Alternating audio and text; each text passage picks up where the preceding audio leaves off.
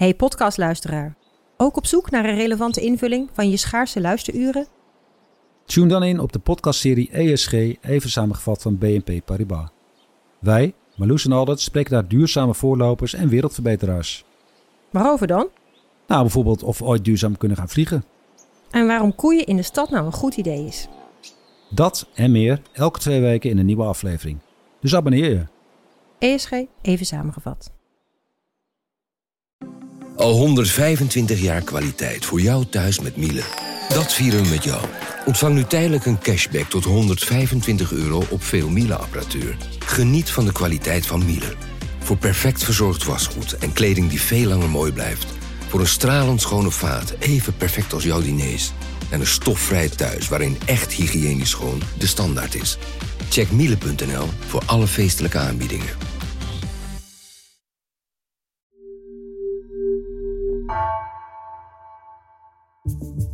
Vanaf de redactie van NRC het verhaal van vandaag. Mijn naam is Floor Boon.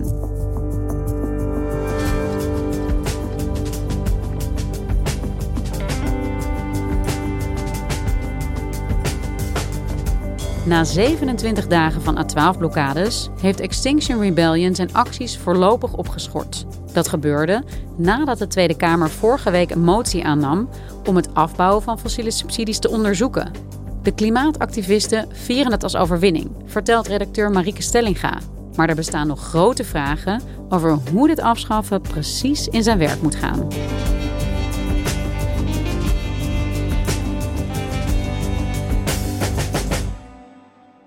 Dan gaan wij stemmen over motie 32 813 nummer 1297. De gewijzigde motie Kreuger CS over het opstellen van scenario's voor het afbouwen van de verschillende fossiele subsidies. Vorige week stemde de Kamer voor een motie waarin D66, GroenLinks en de Partij voor de Dieren het kabinet verzoeken scenario's te gaan onderzoeken om fossiele subsidies af te bouwen. Wie is voor deze motie? SP, GroenLinks, Bijeen, Volt, Denk, Fractie Den Haan, P van de A, Partij voor de Dieren, mevrouw Gunnehan, D66, ChristenUnie, VVD, CDA. Aangenomen. En ja, daar barstte echt, nadat de stemming was geweest, een gejuich uit op de publieke tribune, zoals we dat niet vaak horen in de Tweede Kamer. Blijdschap mag soms, maar wel buiten de zaal. Ja? Dit waren onder andere mensen van Extinction Rebellion, die hard klapten omdat de motie werd aangenomen. Extinction Rebellion zit sinds begin dit jaar op de A12 in Den Haag, vlakbij de Tweede Kamer.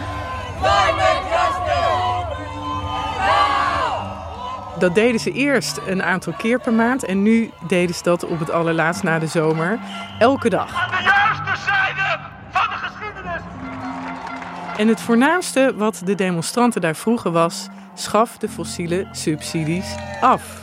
Na 27 dagen A12-blokkade en meer dan 9000 arrestaties vraagt de Tweede Kamer het kabinet om met een afbouwpad te komen voor de fossiele subsidies. Extinction Rebellion verheugt zich over deze aangenomen motie en concludeert burgerlijke Ja, dus dat gejuich ging op in de Tweede Kamer. Een motie was aangenomen. Wat dacht jij toen? Hè? Krijgt Extinction Rebellion nu ook waarvoor ze al zo lang die A12 blokkeren? En ja, gaat Nederland dan nu ook de fossiele subsidies afschaffen? Nou, niet letterlijk. Dat krijgen ze nog niet. Het kabinet gaat onderzoeken hoe ze afgeschaft kunnen worden. En vervolgens moet daar nog een democratisch debat over plaatsvinden en besloten met een meerderheid. Ik ben hier de afgelopen tijd ingedoken. Wat zijn fossiele subsidies? Wie krijgt ze? En ja, dan zie je dat het allemaal echt een stuk ingewikkelder is dan het lijkt met die fossiele subsidies.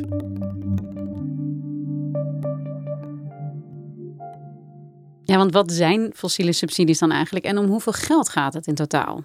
Nou, om even met de tweede vraag te beginnen.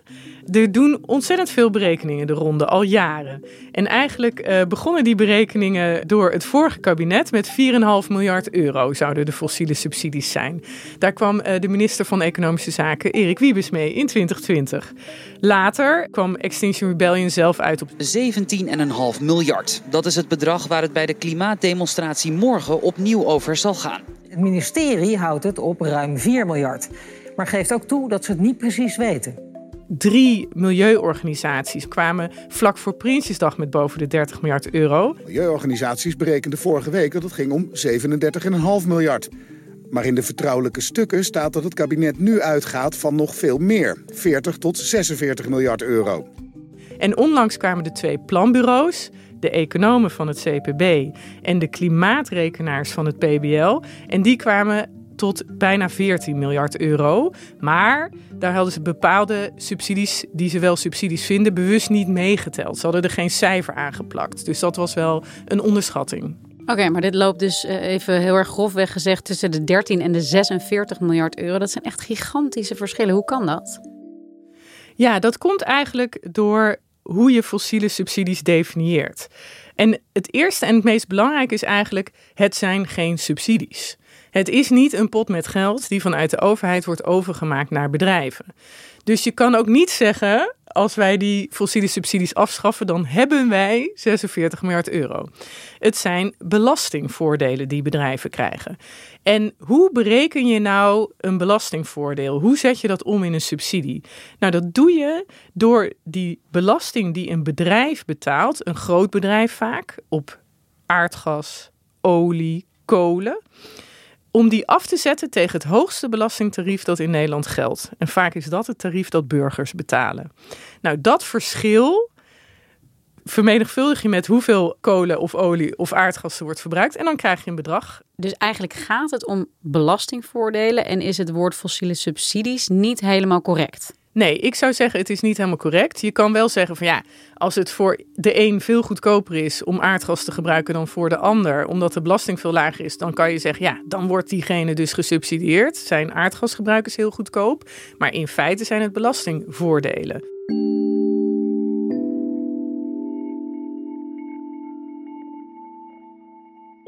Maar even los, Marieke, van of het nu over 13 of 46 miljard euro gaat. Het zijn allemaal sowieso astronomische bedragen. Ja, dat is ook zo. En ik heb de laatste tijd vaak gehoord van wow, wat een pot geld. Wat kunnen we daar allemaal mee doen? Maar dat is maar ten dele waar. Want als je die belasting wel gaat heffen, hè, dus als je het voordeel eraf haalt en je laat bedrijven evenveel betalen als burgers, ja, dan krijg je die inkomsten niet automatisch in je schatkist. Hè. Bedrijven kunnen stoppen met het gebruik van fossiele brandstoffen. Dat is hartstikke goed, maar het zorgt niet voor meer inkomsten. Bedrijven zouden eventueel misschien wel failliet kunnen gaan als opeens er een hele veel hogere belasting komt of naar het buitenland gaan om te produceren. Dus of die overheid ooit die 46 miljard euro binnenhaalt is zeer twijfelachtig. En de kernvraag hiervan is eigenlijk nog een andere. En dat is niet hoeveel geld je binnenhaalt, maar ondersteunt het afschaffen van een specifiek belastingvoordeel het klimaatbeleid. Want we hebben in Nederland, hebben we in de wet vastgelegd, maar ook in Europa hebben we het inmiddels in de wet vastgelegd, het doel om klimaatneutraal te zijn in 2050. En dat betekent dat we dan per saldo, dus netto, uh, geen broeikasgassen meer uitstoten in Europa en in Nederland. En dat was ook de kwestie die de planbureaus opriepen in hun studie naar fossiele subsidies. Bouw de fossiele subsidies voorzichtig en slim af. Dat zeggen de planbureaus PBL en CPB in een nieuw rapport.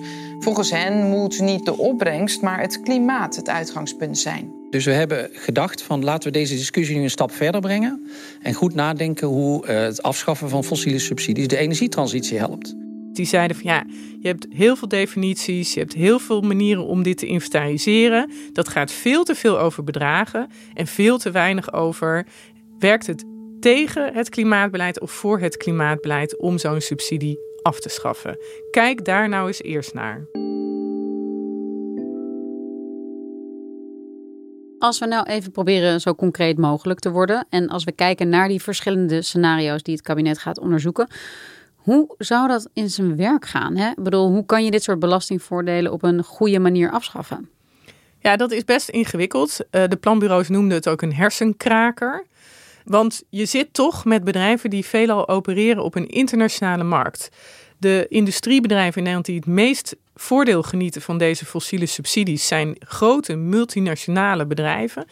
Die kunnen de fabriek in het ene land iets harder aanzetten dan in het andere land. Dus uh, je kan best effect krijgen dat als jij opeens in Nederland het veel duurder maakt om fossiele brandstoffen te gebruiken en er is nog geen alternatief, dat die bedrijven toch over de grens wellicht meer gaan produceren dan hier.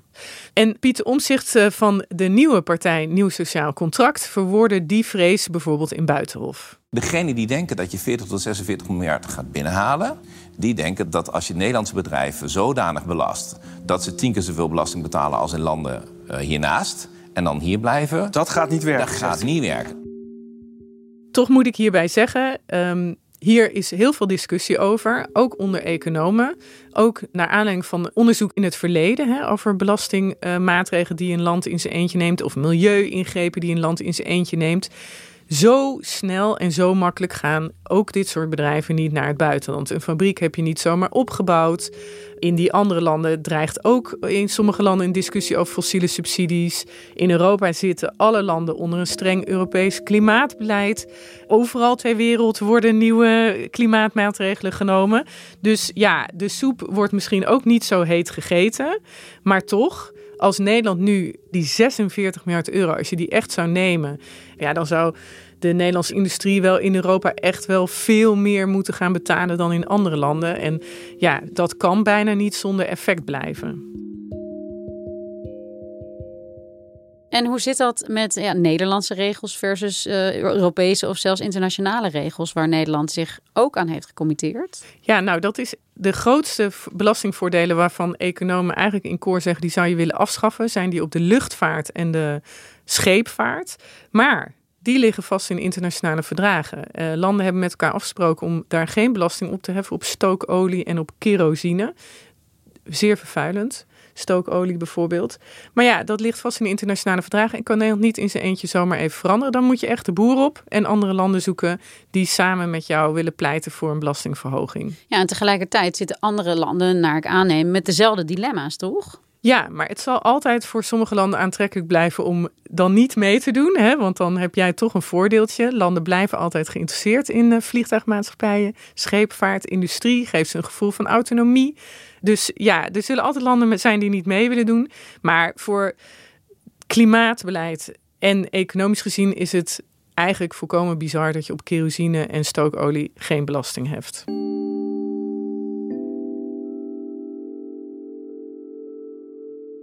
En om het dan nog een beetje verder in de knoop te komen met die fossiele subsidies. Er is nog iets wat het ingewikkeld maakt. Niet elke fossiele subsidie is eh, goed om af te schaffen als het je om klimaat te doen is. Dat klinkt heel raar, maar één bijvoorbeeld in Nederland is heel prominent, die de planbureaus noemde in hun studie.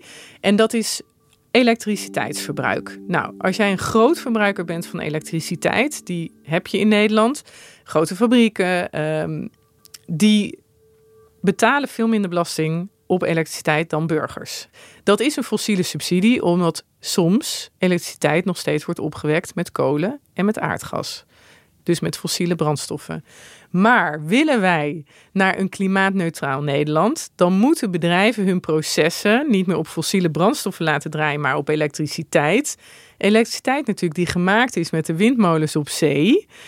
Maar als je die grootverbruikers lage belasting afschaft, dan zou je dat proces kunnen tegenhouden. En dat is dus, zeggen de planbureaus ook, werkt direct tegen je klimaatbeleid in. Dus ja, het is een fossiele subsidie omdat soms nog aardgas en kolen wordt gebruikt om elektriciteit op te wekken. Maar please ga niet dat grootverbruikerstarief, dat lage tarief afschaffen, want dan hou je de elektrificatie van de Nederlandse bedrijfsprocessen tegen en dat is niet slim.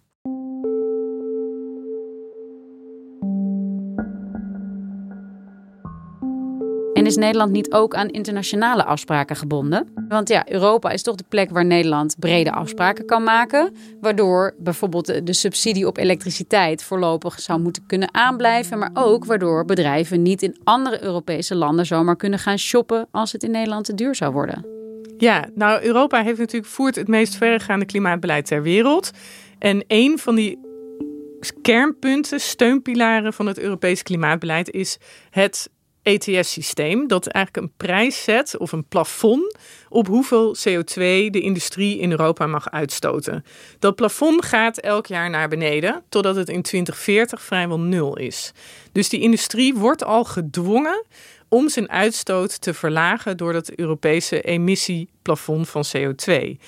Het gekke is alleen, als je tot die tijd eigen beleid voert in een land, dus bijvoorbeeld Nederland schaft al zijn belastingvoordelen op fossiel af, dan zou het zo kunnen zijn dat in Nederland de CO2-uitstoot heel hard daalt, maar dat er daardoor ruimte komt elders in Europa om meer CO2 uit te stoten, omdat dat emissieplafond nou eenmaal volgens een vastgesteld pad gaat.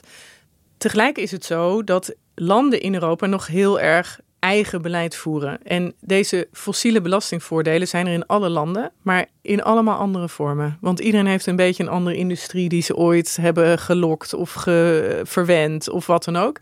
Nederland is een speciaal geval als het om fossiele subsidies gaat. Om twee redenen. Eén is, Nederland is echt een diensteconomie. We hebben relatief weinig industrie. Maar de industrie die wij hebben, is juist weer heel erg fossiel en zwaar. Dus het zijn echt fabrieken waar gewoon bakken met fossiele brandstoffen ingaan. Kolen om staal te maken, aardgas om kunstmest te maken, uh, olie of olieproducten om plastic te maken. We hebben heel veel zware industrie relatief. Dat maakt ook dat in Nederland die fossiele subsidies of belastingvoordelen relatief groot zijn. Want we hebben nou eenmaal bedrijven die heel veel fossiele brandstoffen gebruiken. Tegelijk zijn wij een land dat veel belasting heeft op zijn burgers die fossiele brandstof gebruiken. En dat maakt ook, zoals ik eerder heb uitgelegd, de fossiele subsidie groot. Dus Nederland is ook een speciaal geval. Oké, Marieke, het is in ieder geval heel duidelijk dat het allemaal heel ingewikkeld ligt. In ieder geval een stuk ingewikkelder dan op het eerste gezicht lijkt. Ehm, de motie die in de Tweede Kamer is aangenomen vorige week is dan vanuit dat perspectief gezien misschien ook niet een echte overwinning. Want de fossiele subsidies worden nu niet ineens afgeschaft. Maar in Nederland praat nu wel iedereen erover. Dat is toch ook winst? Het is absoluut winst. En Extinction Rebellion heeft er echt druk op gezet. De discussie was er al politiek. Maar is echt door uh, die demonstraties, denk ik, in een stroomversnelling gekomen heeft ervoor gezorgd dat er veel helderdere inventarisaties kwamen van wat fossiele subsidies nou zijn, hoe hoog ze zijn. En ja, de planbureaus noemen het afschaffen van fossiele subsidies een hersenkraker in hun studie. Maar tegelijkertijd zegt de hoofdonderzoeker dat hij de motie om het in twee tot zeven jaar af te schaffen best realistisch vindt. Dus onhaalbaar is het niet.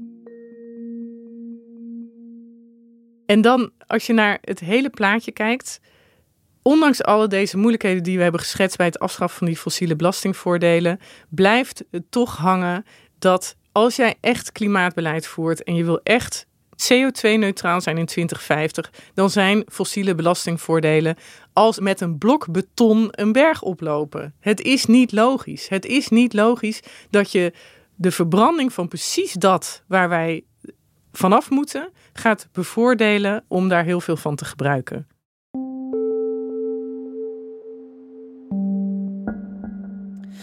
En als we vanaf hier een klein beetje vooruitkijken naar de verkiezingen die er bijna aankomen, gaat die verkiezingsuitslag daar nog iets voor uitmaken? Voor de manier waarop we ja, die fossiele subsidies straks wel of niet en hoe snel gaan afschaffen in Nederland?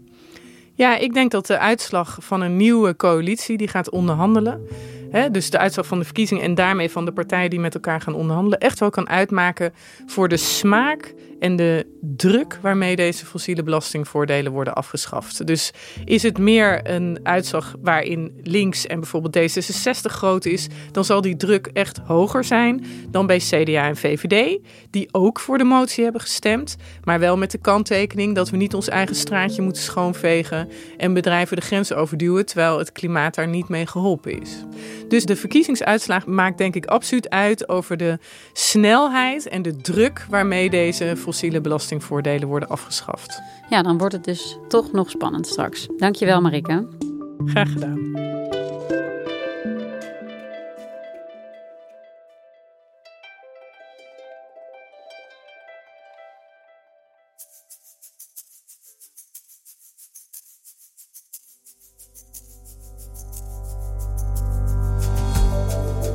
Je luisterde naar vandaag, een podcast van NRC.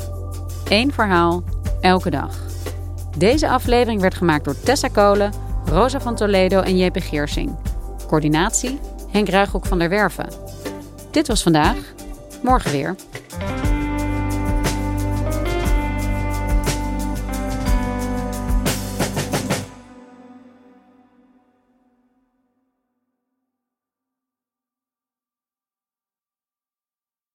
Technologie lijkt tegenwoordig het antwoord op iedere uitdaging. Bij PwC zien we dit anders. Als we de potentie van technologie willen benutten, kunnen we niet zonder een menselijk perspectief. Human-led, tech-powered noemen we dat. Ga naar pwc.nl.